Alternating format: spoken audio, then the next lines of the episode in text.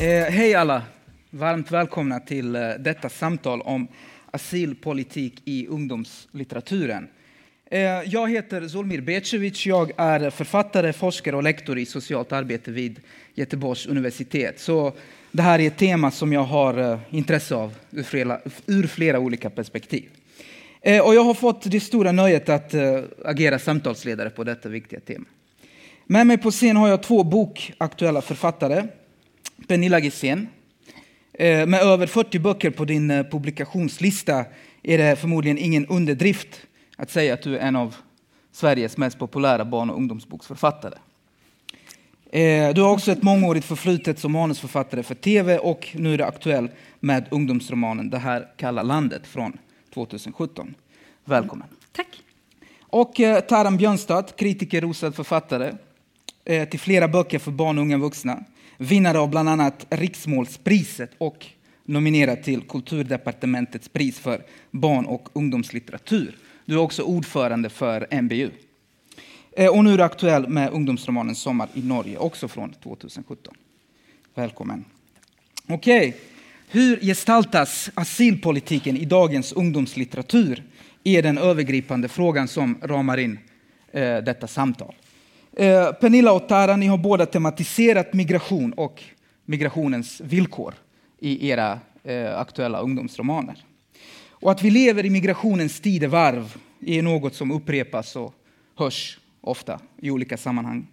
Eh, antalet tvångsmässigt förflyttade människor i världen har aldrig varit högre. Enligt UNHCRs rapport Global Trends från 2017 finns det idag omkring 65 miljoner flyktingar i världen. Flyktingar på grund av krig, konflikt, förföljelse, våld, brott mot mänskliga rättigheter. Under de senaste 20 åren har antalet flyktingar vuxit från cirka 34 miljoner 1997 till 65 miljoner 2017. Och hälften av flyktingpopulationen är barn. Det är hisnande siffror. Mm. Vi lever alltså i en tid då de här migrationsströmmarna förändrar och eh, ifrågasätter traditionella förståelser av nationalstatligt medborgarskap och tillhörighet. Främlingen som en litterär arketyp ger i mötet med det nya upphov till en rad komplexa frågor som rör identitet, gränser, gränsöverskridande, processer av exkludering och inkludering och tillhörighet till nationen som en föreställd gemenskap. Vem får vara med och vem får det inte? Och inte minst genom främlingen ser vi också oss själva i ett nytt ljus. Pernilla och Taran, jag lämnar ordet till er nu med avstamp i en svensk respektive en norsk kontext. Hur kommer det sig att ni har valt att skriva om detta brännande tema? Vem vill börja? Jag kan börja. Eh, går det att få upp eh, ja, böckerna på? Så här. jag tänkte lättare än att jag står och... Där. Ja, okej. Okay. Oj, det var en stor fin bild. eh, jag har då skrivit den här eh, crossover-romanen det är ju inte egentligen en ungdomsbok utan eh, ska kunna fungera lika väl för vuxna. Det här kalla landet. Och anledningen till att jag har skrivit den här boken, det har aldrig tidigare varit så klart för mig någon annan bok som den här boken. Och det var efter riksdagsvalet 2010 i Sverige när Sverigedemokraterna tog sig in i riksdagen. Eh, det var skrämmande, men jag var inte särskilt förvånad. Det som förvånade mig var att så många reagerade som att de var tagna på sängen. Mm. Alltså, hur kunde det här hända? Eh, och det var så förvånande, det här oskuldsfulla. Och så tänker jag, det vi gjorde då i alla fall i Sverige väldigt mycket, som jag upplevde var att vi inte pratade om det. Och jag tänker att det är oerhört viktigt att prata om det. Vi har ju ett talesätt i Sverige, ta ut trollen i solen så spricker de. Mm. Det kanske inte är så enkelt, men jag tänker att vi behöver alltid prata om det. Och då tänkte jag, vad kan jag göra som författare? Det är inte, jag drar egentligen aldrig igång politiska diskussioner på en fest till exempel. Men jag försökte började fundera, kan jag göra någonting? Och i början tänkte jag, ska jag skulle kunna skriva någonting som, som Anne Franks dagbok? Så tänkte jag, nej, det är ju omöjligt, det går ju inte. Och sen funderade jag fram och tillbaka och till slut så blev det då det här kalla landet. Och, eh, anledningen till också att, att jag skrivit upp boken på just det här sättet, det är ju två olika läger kan man säga. Sara som har en invandrarbakgrund och som bär med sig också ett väldigt trauma. när hon flydde med sin familj. Och faktiskt varken mamma eller lillebror eh, nådde fram till Nordland, det här fiktiva landet. Eh, och Nomi, som är huvudkaraktär som lever i en väldigt välbärgad del av Lindsborg i Västermalm, eh, som har varit väldigt skyddad. Men nu börjar det, det börjar hända saker i, i Eh, Nordland. De befinner sig i en ekonomisk kris och det är väldigt lätt att skylla på någon. Vem ska man skylla på? Mm. Och det hennes storebror gör, att hon skyller på främling, eh, främling, alla, alla invandrare som har kommit. Eh, så den här främlingsfientligheten, den växer. Så det, det är som ett diskussionsunderlag egentligen. Det är väldigt mycket politiska diskussioner i boken. Och det är för att jag hoppas att ungdomar och även unga vuxna ska kunna använda boken när man diskuterar, mm. särskilt i gymnasieskolor. Eh, så det, det, mm. det var anledningen till att jag mm. skrev. Så du har definitivt tagit avstamp i en polariserad ja. politisk samtid? Ja. Taran, mm. Eh, hur har det fungerat för dig, din väg till eh, Sommar i Norge? Ja, men alltså De tallene du nämner, det är ju inte möjligt att inte vara påverkad eller bli påverkad av det. Och I 2015 så flyttade jag tillbaka från London. Jag hade bott där i fyra år. Eh, och, och, det var faktiskt kimen till boken som blev till på flyet på väg hem. Och jag satt bak två medelålders norska män. Uh, jag satt i sätet bak och jag hörde dialogen mellan dem som handlade om det som skedde hemma. Alltså den enorma asylsökarmassen som kom så fort och så brått. Och de hade två helt olika berättelser om vad som skedde. Hvor han ene snakket om hur mycket det kom att kosta Norge. Mm. Och det var ett regnestycke per asylsöker vad det ville kosta Norge de första två, fem och tio åren.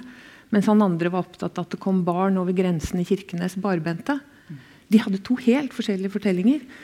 Eh, så för mig så handlar det egentligen inte om att skriva en politisk bok. Det handlar om att ta tag i berättelsen som är det mm. bärande i hela invandringsspörsmålet. För alla som kommer har med sig en berättelse. Mm. Och då handlar det om den som berättar och fortällerens evne till att förmedla den historien trovärdig.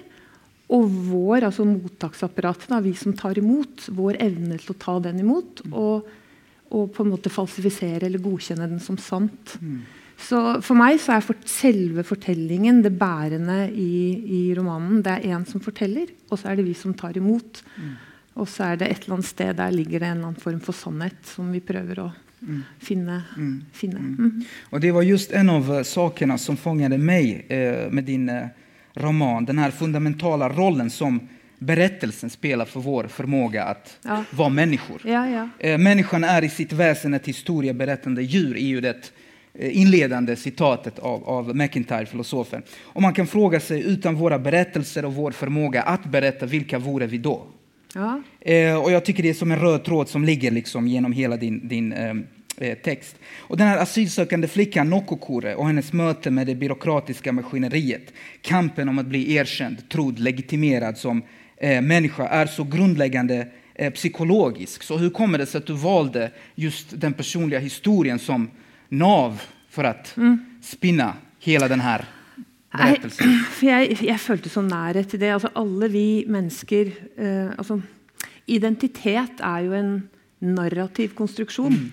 Alltså att vi, vi forteller ju historier om oss själva för att säga vem vi är.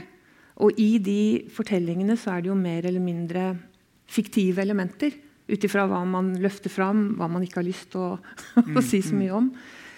Men eh, för dessa asylsökande som då skulle in i ett system där fortellingen, hvor de, hvis de kommer utan identitetspapirer, da, som, som mange gjorde, så är ju fortellingen det eneste beviset på vem de är. Eh, så blev eh, det naturligt att gräva i, och så började jag göra research, och då syntes jag det var spännande. Jag hade inte tänkt att skriva om mottagsapparatet när jag startade. Jag hade tänkt att bara skriva om den asylsökaren som kommer in i Norge, och så se landet från hennes med hennes blick. Mm. Men det är ju vanskligt när man är en medelåldrande, rik norsk kvinna. Mm. Uh, så jag tänkte att jag måste ta vårt, syns, eh, vårt blick också och så pröva att få de till att mötas. Um, och det att gå in och se på UDI sina intervjutekniker är mm. väldigt spännande för det, det ska ju vara en samtal mm. och i den samtalen ska, så ska identiteten och sanningen förhoppningsvis komma fram. Då. Mm. Så det att göra ett, en sån intervjuguide fra UDI om til roman. Det var jo det som var eh, på en måte der man måtte kna. Hvor ligger det menneskelige i det? Og det vil alltid være en menneskelighet i det. I den som lytter, og i den som forteller. Det er ingenting som er um, objektivt. Da. Den objektiva sannheten finns ju inte. Mm. Mm. Och jag tycker det framkommer på ett fantastiskt sätt i boken, just den här godtyckligheten som finns i att mm. hela tiden behöva bevisa sig själv och sin mänsklighet, sin rätt att vara på en viss plats genom just berättelsen. Ja. Eh, vi pratade lite innan vi gick på här, eh, så jag använder dina ord, eh, att närma sig det här temat som vit medelålders kvinna i ett av världens rikaste länder. Vi kan ta in Sverige här också. Sverige är ju topp där någonstans. Hur har det fungerat? Det här, du får inte bli arg på mig. Det här var eh, dina ord. Eh, för er. För jag tycker att, att båda eh, berättelserna är så eh, genuina, drabbande, fängslande på så många sätt. Och, och, vem det är som skrivit var aldrig någonting som jag tänkte på när jag läste, utan det var berättelsen som var i fokus. Hur har det funkat? Eh, jag, jag, jag, jag, fick, eh, det har varit jättesvårt. det här är absolut den svåraste mm. bok jag har skrivit. Det tog mig fem år att skriva den här boken. I och för sig gjorde jag andra saker under tiden, men i alla fall. Jag återvände till, till liksom ämnet och manuset hela tiden. Eh, jag försökte ha med mig, jag träffade en finsk dramaturg en gång som sa till mig, Pernilla, försök aldrig vara fiffig, alltså smart. Och då tänkte jag, vad menar hon med det? Eh, vi hade väldigt respekt för henne, så jag försökte liksom locka lite, vad, vad är det du menar? Och det hon försökte förklara då var, men du kan aldrig ställa dig över läsaren. Aldrig. Och du kan inte ställa dig över dina karaktärer. Så fort du gör det så dör texten. Och det du som författare lyser igenom. Och det jobbade jag jättemycket med här. Men det är ändå svårt, för att jag tänker, Nomi som är huvudkaraktär, de har ju väldigt många diskussioner hemma. Mm. Och Erland, Nomis pappa som är journalist, det är ju min, väldigt mycket min röst. Jag försöker bara att eh, trolla bort mm. det i att han får ta de replikerna istället. Så att, mm. det har varit svårt. Ja, mm. Taran? Ja, vanskelig. Eh, jeg var, fikk lov til å være mye på asylmottak og eh, transittmottak. Og lukte og føle og være inne på rommet og prøve å gjøre mye research, prøve å kjenne og også snakke med mange. Men uh, jeg tenkte jeg måtte prøve å altså Nokokore er jo uh, eh, 16 år, sier hun i fortellingen. Det vet vi jo ikke. Uh, men jeg måtte prøve å finne noe som var felles for oss, uavhengig av hvor vi kommer fra i verden. Og det er jo ofte kjærligheten til natur naturen, om den er eh, her eller der i verden, er på en måte en sånn fellesnevner for oss mennesker. Og også kjærligheten til dyr. Og dyret blir jo veldig viktig i eh, boken. Og da ble jeg tryggere, for det var noe jeg kan mye om. Jeg kan mye om hest, eh, og jeg er veldig glad i natur. Og det er noe kore også. Så vi fikk noe som var felles, og da følte jeg meg trygg. Da kunne jeg skrive om det uten å tenke på at hun var en afrikansk svart 16-åring og jeg en hvit norsk 50-åring. Eh, da møttes vi der, og da ble det andre også lettere å skrive om. Vi fikk en sånn slags fellesskap i det. Mm. Mm. Och någonting som framträder i, i uh, din bok är också de här gråzonerna. Mm. Uh, de här mänskliga aspekterna. Det är inte bara att, att antingen så är man flyktingälskare eller så är man rasist. Mm. Utan bakom det här den här byråkratiska maskinen finns riktiga människor som mm. måste agera i mm. konkreta mm. kontexter mm. hela tiden. Och eh, då tänker jag framförallt på, på karaktären Kristin Mobacken, den mest samvetsgranna socialantropologen i hela världen, som ja. hennes man kallar henne. Hon som ska rädda världen. Så hur kan vi förstå den här konflikten mellan moral och plikt, att känna solidaritet och att vilja hjälpa, men inte kunna på grund av lagar och regelverk som ändå är där. Mm. Och vad gör man som myndighetsutövare, eh, författare, människa om man kanske ibland anser att eh, lagen är olaglig? Ska jag svara på det? Ja, du får jättegärna göra det. Ja, alltså hon vill ju vara flink. Mm. Jag upplever ju oss som väldigt flinka. Vi är, och debatten i Norge var väldigt flink. Även om den var polariserad så var det Hele boken min starter jo egentlig med det, bare for å hoppe vekk fra henne, da, som er institusjonalisert. Men de tre første karakterene i boken er jo de som ser flyktningen komme. Og det følte jeg var sånn jeg opplevde Norge. da, At du har den voksne kvinnen som ser, Och så forteller hun til venninnen sin hvor vondt det gjør for henne å se det stakkars mennesket. Og, eh, så hun viser at jeg har empati. Så, så flyktningkrisen gjør noe for oss også, for det kan vise at vi er gode mennesker. Mm. Og nummer to er to gutter som gir henne penger. Det første gir henne noe av den, det vi har, da. fordi han får lunsj likevel. Som også er en måte for oss å ta det imot på. Så er det den tredje, som er fotografen. Og det er estetikken i flyktningkrisen, som jeg syns ble ekstremt tydelig. At den ble viktig i mediene. Tenk deg det bildet av den lille gutten på stranden. Som, sant? Det er noe estetisk ved det også, som, som han er opptatt av. Eh, og så har du de på en måte i mottaksapparatet som skal være flinke. Hun skal jo prøve også å beholde jobben sin. Mm. Sånn at eh, det er et enormt komplekst bilde av oss som tar imot. Og vi kan kjenne oss igjen i alle leire. Og vi kan også kjenne oss igjen i denne juristkjæresten som, som, er litt mer skeptisk og sier at hallo, du kan ikke tro alt du hører. Du må prøve å være litt rann, Vi kan kjenne oss igjen i det òg. Uh, og det er det på en måte i forhold til litteratur og flyktningkrisen og politikk. Da, altså, en veldig kjent forfatter som har sagt at eh, hvis man er overbevist om hvordan verden henger sammen, så trenger man ikke skjønnlitteratur. Mm. Og det er det som er fint med disse bøkene, at de åpner jo opp og, og stiller den tvilen i oss. Mm. Altså lar oss gå inn i den og kjenne på den mm. mm. uten å være dømmende eller uten å komme med mm. svar. Mm. Eh, Pernilla, i det här kalla landet är kontexten verkligen kall, kan man säga.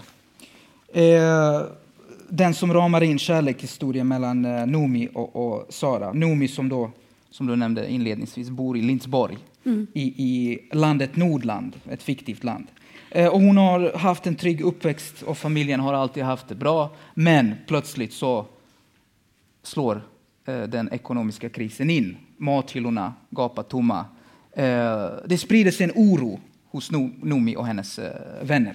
Eh, någonting händer. En väldigt obehaglig stämning eh, vecklas ut eh, i, i, boken. Eh, du har också arbetat eh, med en egen begreppsapparat mm. Eh, i, i, uppbyggandet av, av eh, din text. Varför och hur är jag nyfiken ja. på. För du har exempelvis invandrare är utom gräns komna, folk förflyttade nidingar, mm. ett nedsättande ord. Och rasister är arthatare.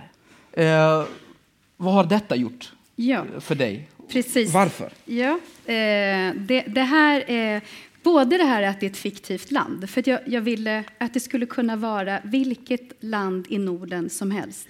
Jag tänkte att det spelar ingen roll. Det här kan, det här kan drabba vilket land som helst egentligen. Eh, och det var viktigt. Eh, så där, där, därav landet och fiktiv eh, stad och sådär. Sen det här att jag har bytt ut orden, det var inte alls självklart från början, utan jag, jag gjorde inte det, utan förlaget var de som först föreslog det. Och vi mm. hade många turer runt det här, fram och tillbaka, där vi argumenterade. Och till slut fick de över mig och sa att ja, men, nu, när den här boken kom ut 2017, då diskuterades det ju jättemycket asylpolitik. Eh, överallt. Och tänker just det här med främlingsfientlighet eh, eh, och, och, det var, så, var ord som unga människor hör så ofta att förlaget menade att man stänger av för att man har hört det för mycket. De här orden är sånt som man inte riktigt orkar ta till sig. Vad händer om vi använder, ersätter de orden med andra ord så att läsaren måste stanna upp? Va? Jaha, okej, okay. det betyder det här. Folkförflyttad betyder att man måste, det är en stor grupp människor som faktiskt förflyttar sig en lång sträcka. Mm. Eh, så där, därav blev det eh, de här ersättningsorden. Mm. Var det enklare att skriva, att skriva då, att närma sig? Nej. Nej, det var det inte. Okay. Nej, inte alls. Jag hade skrivit klart hela romanen. Okay, okay. Det, här kom, det här var det sista som vi gjorde. Och det är också... Eh, det, det många, mina unga läsare har, har varit väldigt, de, de, tycker väldigt mycket om och tycker att boken är väldigt viktig. Men det har varit två olika läger just runt det här mm. med, med orden. En del har tyckt att det varit bra, för jag har frågat när jag varit ute på författarbesök. Andra har sagt att nej, det skulle du inte ha gjort. Mm. ja.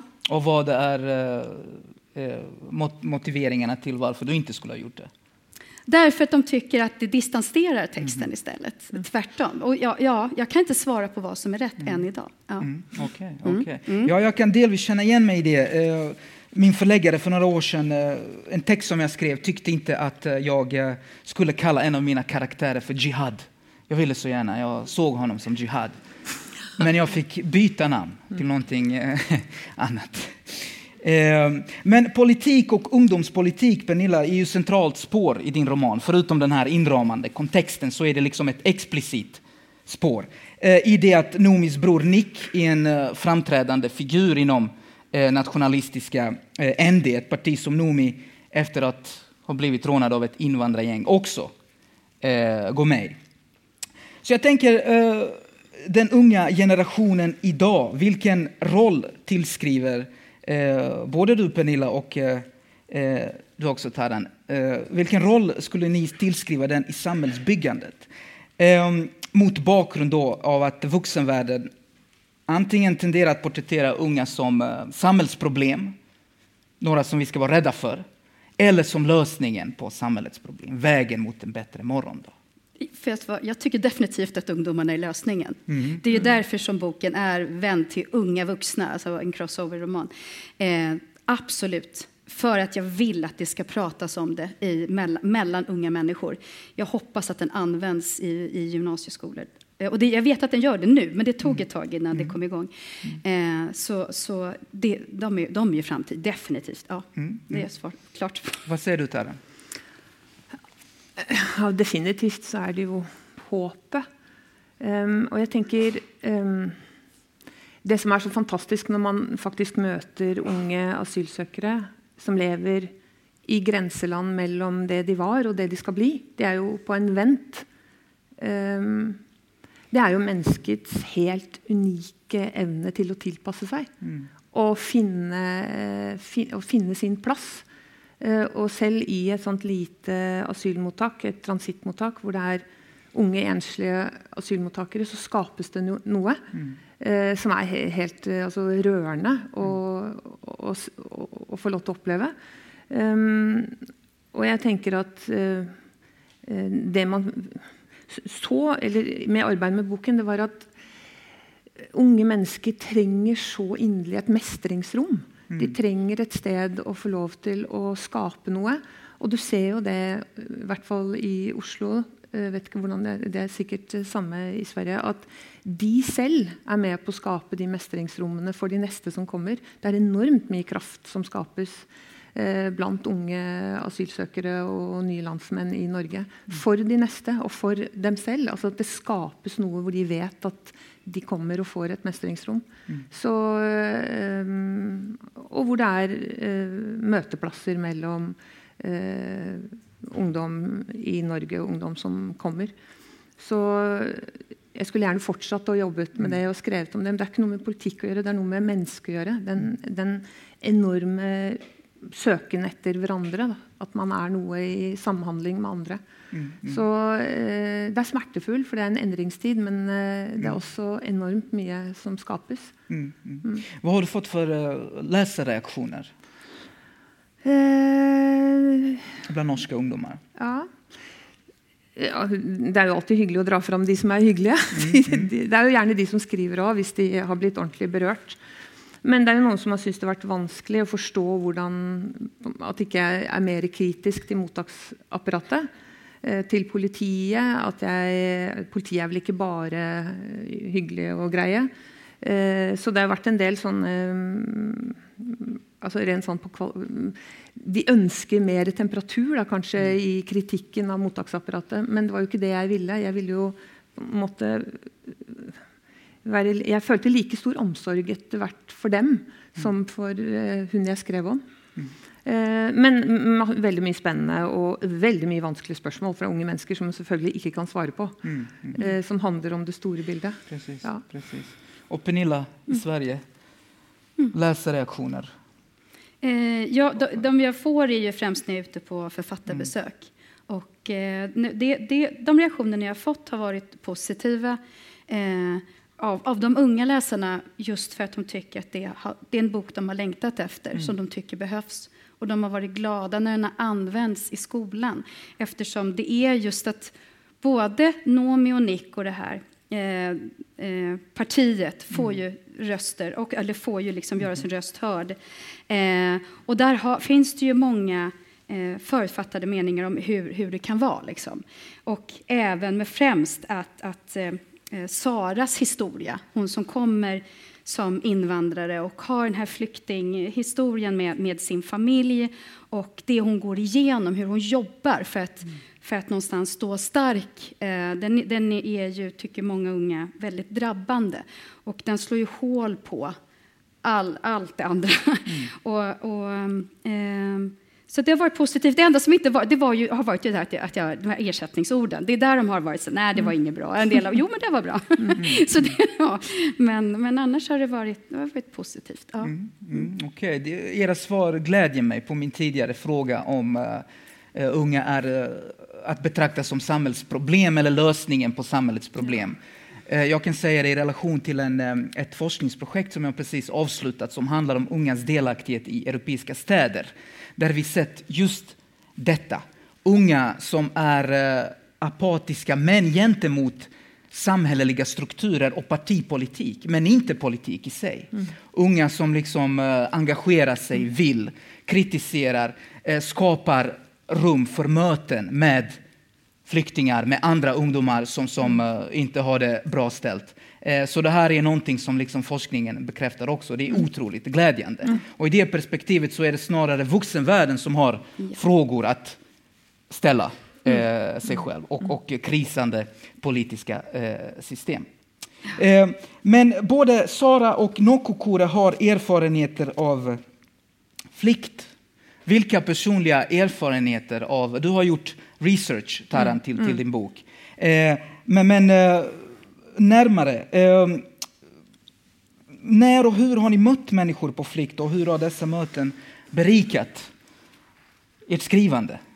Ja, det är ju kanske det... Ja, ska jag svara? Ja, jag börjar. Ja, du har säkert gjort lika mycket research. Men om vi kan visa coveret mm. Fordi um, en flink uh, Hvis dere ser godt, så ser dere at uh, selve coveret på boken er søknadsskjema til hos UDI, altså for å mm, komme inn i Norge. Sånn at designeren brukte det, så hvis du pakker ut boken, så er det på, på innsiden. Og jeg tenkte jeg må jo snakke med de som har vært igjennom den eh, prosessen. Eh, jeg har snakket med veldig mange gutter. Skulle, jeg, eh, først var boken min om en gutt. Eh, for jeg tenkte at det var fint å, å skrive jeg vet ikke hvorfor, men jeg hadde lyst til å skrive om en gutt. Eh, og så endret det seg, og så ble det til eh, denne jenta. Eh, men jeg har intervjuet veldig mye gutter som har fortalt historien om jenter. Eh, for at de eh, Særlig Hun er jo en eritreisk jente, og de er veldig de er veldig forsiktige og tilbakeholdne. De har jo levd i en kultur hvor det ikke er lov å fortelle noe. Uh, hvor du må være veldig forsiktig med hva du sier. Og så kommer jeg inn og sier at du forteller meg nå om flukten din. Hva følte du, hva følte du ved første grenseovergang? Mm. så, så, man måtte tilnærme seg det på en litt annen måte. Og da var det veldig fint for meg å bruke karakterene i boken. Og så lagde vi fortellingen sammen basert på det de kjente til. Og det satt jo voksne menn og gråt når de fortalte historien om mm. Nokokore, for de fortalte kanskje om søsteren sin eller om en de kjente, eller en de hadde vært i nærheten av selv. Da. Og så snakket jeg også med mange jenter. Eh, men veldig mange av de jentene har opplevd altså De blir jo brukt i stor grad som byttevare ved grensene. Eh, det er så brutalt at man kan nesten ikke forestille deg det. Hvis du snakker med norske leger på mottaksapparat, så sier de at eh, det ser verre ut i dag fordi flyktningene bruker lengre tid. De blir holdt lengre i flyktningleir. Det er lengre opphold ved grensene. Så når de kommer hit til oss, så er de enda mer skamfælte enn de var tidligere. Eh, så det er mer brutalt enn, enn før for de som faktisk når frem. Eh, og jentene har det aller verst. Altså, det er helt utrolig at de overlever, og at de finner styrke til å gå videre. Og mye av fortellingene i, altså fortellingen i min bok handler om altså, sannhet og løgn. Mm -hmm. Og det var en veldig klok politimann som hjalp meg mye, som sa at du må huske på at det er ikke all, alle usannheter som er løgn. Mm. Det er veldig mye en måte å fortelle på for at du skal kunne leve med den fortellingen selv òg. Mm. Mm. Uh, så det er et enormt komplekst bilde. Um, og, men det som var rart, når jeg gjorde intervjuene med, eller samtalene da, med alle de menneskene jeg traff, så satt jeg selv med den følelsen av at nei, jeg tror ikke, jeg tror ikke dette er helt sant. Og jeg kunne skamme meg litt både for å tro for mye, for å være for naiv, og for å være for kritisk. Mm, mm. Mm. Precis. En, en uh, väldigt komplex ja. balansgång. Ja. Eh. Jag, jag, har ja. inte gjort lika mycket research när det gäller Saras historia. Men det, mm-hmm, mm-hmm. eh, Ehm, det jag har gjort är att jag, har, ehm, jag är ute mycket i skolor och i många skolor ute så är, kan det vara så många som 95-98 procent som går där elever har invandrarbakgrund. Och är det en del skolor som jag återvänder till så får jag också en annan relation med, med eleverna som jag återser. Och då har jag fått kontakt med både tjejer och killar som har öppnat sig och berättat, men inte alls hela en sån historia som Sara gör. Inte, inte så mycket, men jag har fått plocka fragment och delar från olika historier. Och sen med Sara fick jag ju gå väldigt varsamt fram, för det är ju man får med väldigt mycket respekt försöka skildra mm. det här som inte går att skildra egentligen, för det är för svårt. Mm. Mm. Så det var, det var en svår balansgång. Mm. Ville ni något med uh, böckerna från början? Den här luriga frågan. Kan jag veta någonting innan jag vet? Så, hade ni liksom en, en tanke, en ambition att problematisera, kritisera, vad vet jag, agitera från början eh, när ni satt er och skulle, skulle börja skriva? Eller liksom växte det här fram under skrivprocessen? Jag hade ju en tydlig idé från början ja. som jag berättade ja. eh, eh redan 2010 ja, vad jag, vad jag ville.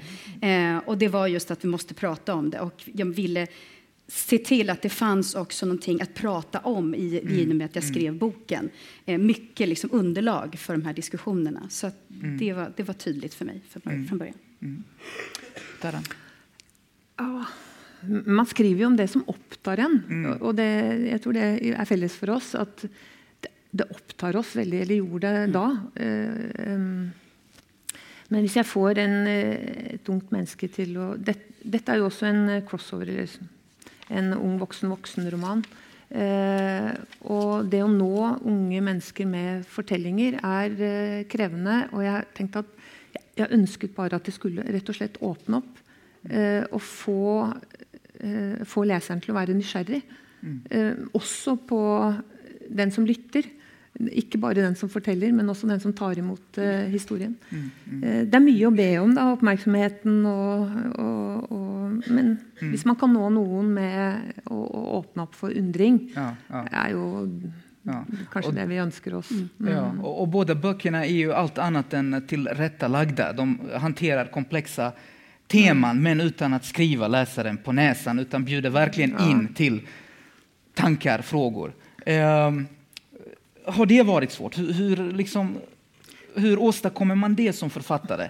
Att ändå liksom göra, problematisera någonting oerhört centralt men ändå att inte lämna definitiva svar eller ge anspråk på att man har mm. de där absoluta svaren. Mm. Redigera, redigera, redigera. Okej, okay. så, så, ja. Gode redaktörer. Ja. Nej då. Men man har ju av och till lust till att dytta lite. Men det ligger ju mycket symboler i bägge dessa böckerna. Det är ju symbol att man, kan, man kan ju lägga ut lite agn då, och hoppas mm. att någon tar det upp. Ja, och så må det inte bli allt för uppenbart. ja. Precis. Mm. Yes. Precis, precis. Eh, Taran, du nämnde tidigare eh, eh, den här ehm, tragiska händelsen ehm, för några år sedan, i början av september 2015, mm. då en hel värld såg eh, den här eh, pojkkroppen spolas mm. upp på en strand i Turkiet. Alan Kurdi hette den här treåringen. Eh, vi blev arga, uppgivna, vi protesterade, hela världen protesterade. Eh, chockerande bilder. Men sen, tystnad. Mm. 2019 mm. är det nu. För några veckor sedan påträffades över hundra afrikanska migranter döda, mm. uppspolade någonstans eh, på Libyen, eh, längs med den libyska kusten. Mammor, pappor, barn, systrar och bröder. En tragedi som nästan gått obemärkt förbi i, i medierna. Har vi blivit likgiltiga inför denna mänskliga katastrof som inte är en skandinavisk angelägenhet eller europeisk utan global? Ehm, och kan litteraturen göra något för att vi ska vakna? Altså, vi er mett, altså det er en, tilbake til denne fotografen som tar bilde av henne og opptatt av estetikken. Vi er blitt mest, mettet nesten mm. på estetikken. Jeg vet ikke hvor mange delinger på Facebook det bildet hadde, men helt enormt mye. Veldig mye mer enn mennesker som faktisk engasjerte seg. Mm. Og at det engasjementet var nok. Det å si at man syns et bilde er grusomt, er, er på en måte nok. Eh, og det jeg tenker at sånne bøker gjør med unge mennesker, er jo eh, Eller for, hvis man får unge lesere.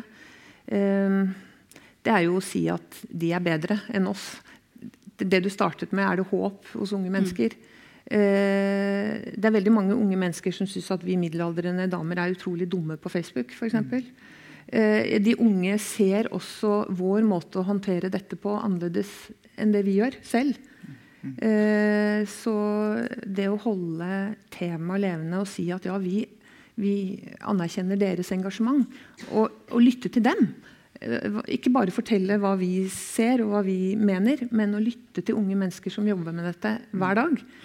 Eh, det er viktig, og det er en skam at vi er blitt så mettet på det som skjer der ute. Det ligger jo fortsatt små barn og flyter i vannkanten i verden.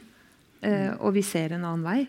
Jag tror också att det handlar väldigt mycket om den här maktlösheten. Mm. Att hur man än försöker eh, mm. så är det svårt att, påverka, mm. tror jag många upplever. Att det, det, kan också, det har också en mm. stor betydelse ja. för att man ja. till slut inte orkar se. Mm. Mm. Eh, jag hade kunnat sitta här eh, mycket länge till och prata om era fantastiska och, och viktiga aktuella eh, böcker. Men jag tror att vi får röra oss mot eh, en, en eh, sista fråga i alla fall för den här gången. Eh, om, om, vi lyfter blicken lite och tittar på vår europeiska kontinent. Vi har ju val till EU-parlamentet här i maj, eller hur?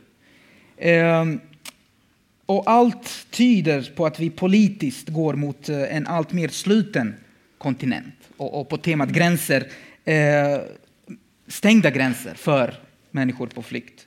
Migration förknippas idag till övervägande del med säkerhetshot mot den egna nationen, med, med risker av olika slag, kostnader, sociala problem. Migranter demoniseras, misstänkliggörs, framställs som lycksökare och ekonomiska parasiter, eh, bland annat. Eh, och migration, det här är ett av de mest omdebatterade frågorna i skandinavisk politik, europeisk eh, eh, politik. Vil, vilken framtid skulle ni säga går vi till mötes vad gäller det migrationspolitiska läget i Sverige och i Norge? Och hur mm. tror ni kommer det att påverka eh, era framtida reflektioner och, och eh, ert framtida skrivande kring det här temat? Är det här någonting som ni mm. kommer komma tillbaka till? Ja, men jag känner inte helt... Alltså, tenker jeg De siste måneden har jeg sittet og sett litt på magasinene som kommer ut med de store avisene i Norge. Og jeg føler at eh, det løftes frem veldig mye unge krefter, og mm. veldig mye eh, Særlig innenfor musikk i Norge. Innenfor R&B og rap og, så løftes fram uh, unge, nye norske landsmenn. Uh, som jobber veldig tett med, i det store miljøet. Så Eh, og det samme på universiteter. Jeg tror medisin i Norge har noe sånt som nesten 40 eh, ikke-etnisk norske. Mm. Altså, det skjer noe i, i disse våre land også, men vi er jo unge i forhold til immigrasjon. Jeg har bodd i London i mange år. Der har de hatt det i, i 50 år lenger enn Norge og Sverige. Så vi kommer etter. Det er bare en brytningsperiode. Og jeg tror ikke de unge menneskene har den samme frykten som vi har. Fordi de lever jo mer i det. Vi ser det jo mer, vi ser mer problemene. De ser kanskje mer mulighetene.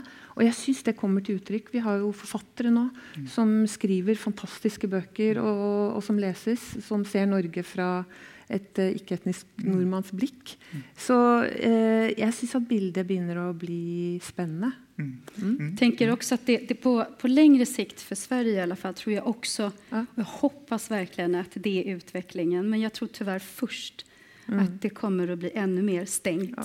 och att det här kommer att öka. Men jag hoppas att det är en snart övergående. Men jag vet inte om det är naivt, men, men det är vad jag hoppas. Och jag, jag sätter också min, väldigt mycket min tilltro till de unga eh, här. Mm. Men det är brytningstid. Ja, Brytningstider det ju är det verkligen. Ja. Eh, Och eh, avslutningsvis, vad för slags liv vill ni att era böcker ska ha och få framöver? Liv! Ja, eh, i Läs, mötet ja. med läsarna, vad vill ni för dem? Vad önskar ni? Ja, prata om det. Det ska Ja. läsas, vi ska, man ska, det ska väcka känslor. Och, oavsett vad man, vad man tycker innan, vad man står innan, så ska man ändå få ett annat perspektiv. Det är vad jag önskar. Med den här boken och även med alla mina böcker. Mm. Ja, de läser den och så säger åh, jag vill ha en till. Jag vill ha en ny bok. Men- Ja, jag vill ha mer. Ja. Okej, jag tror att vår tid är ute. Tack så mycket till alla er som har lyssnat. Tack Taran. Tusen tack.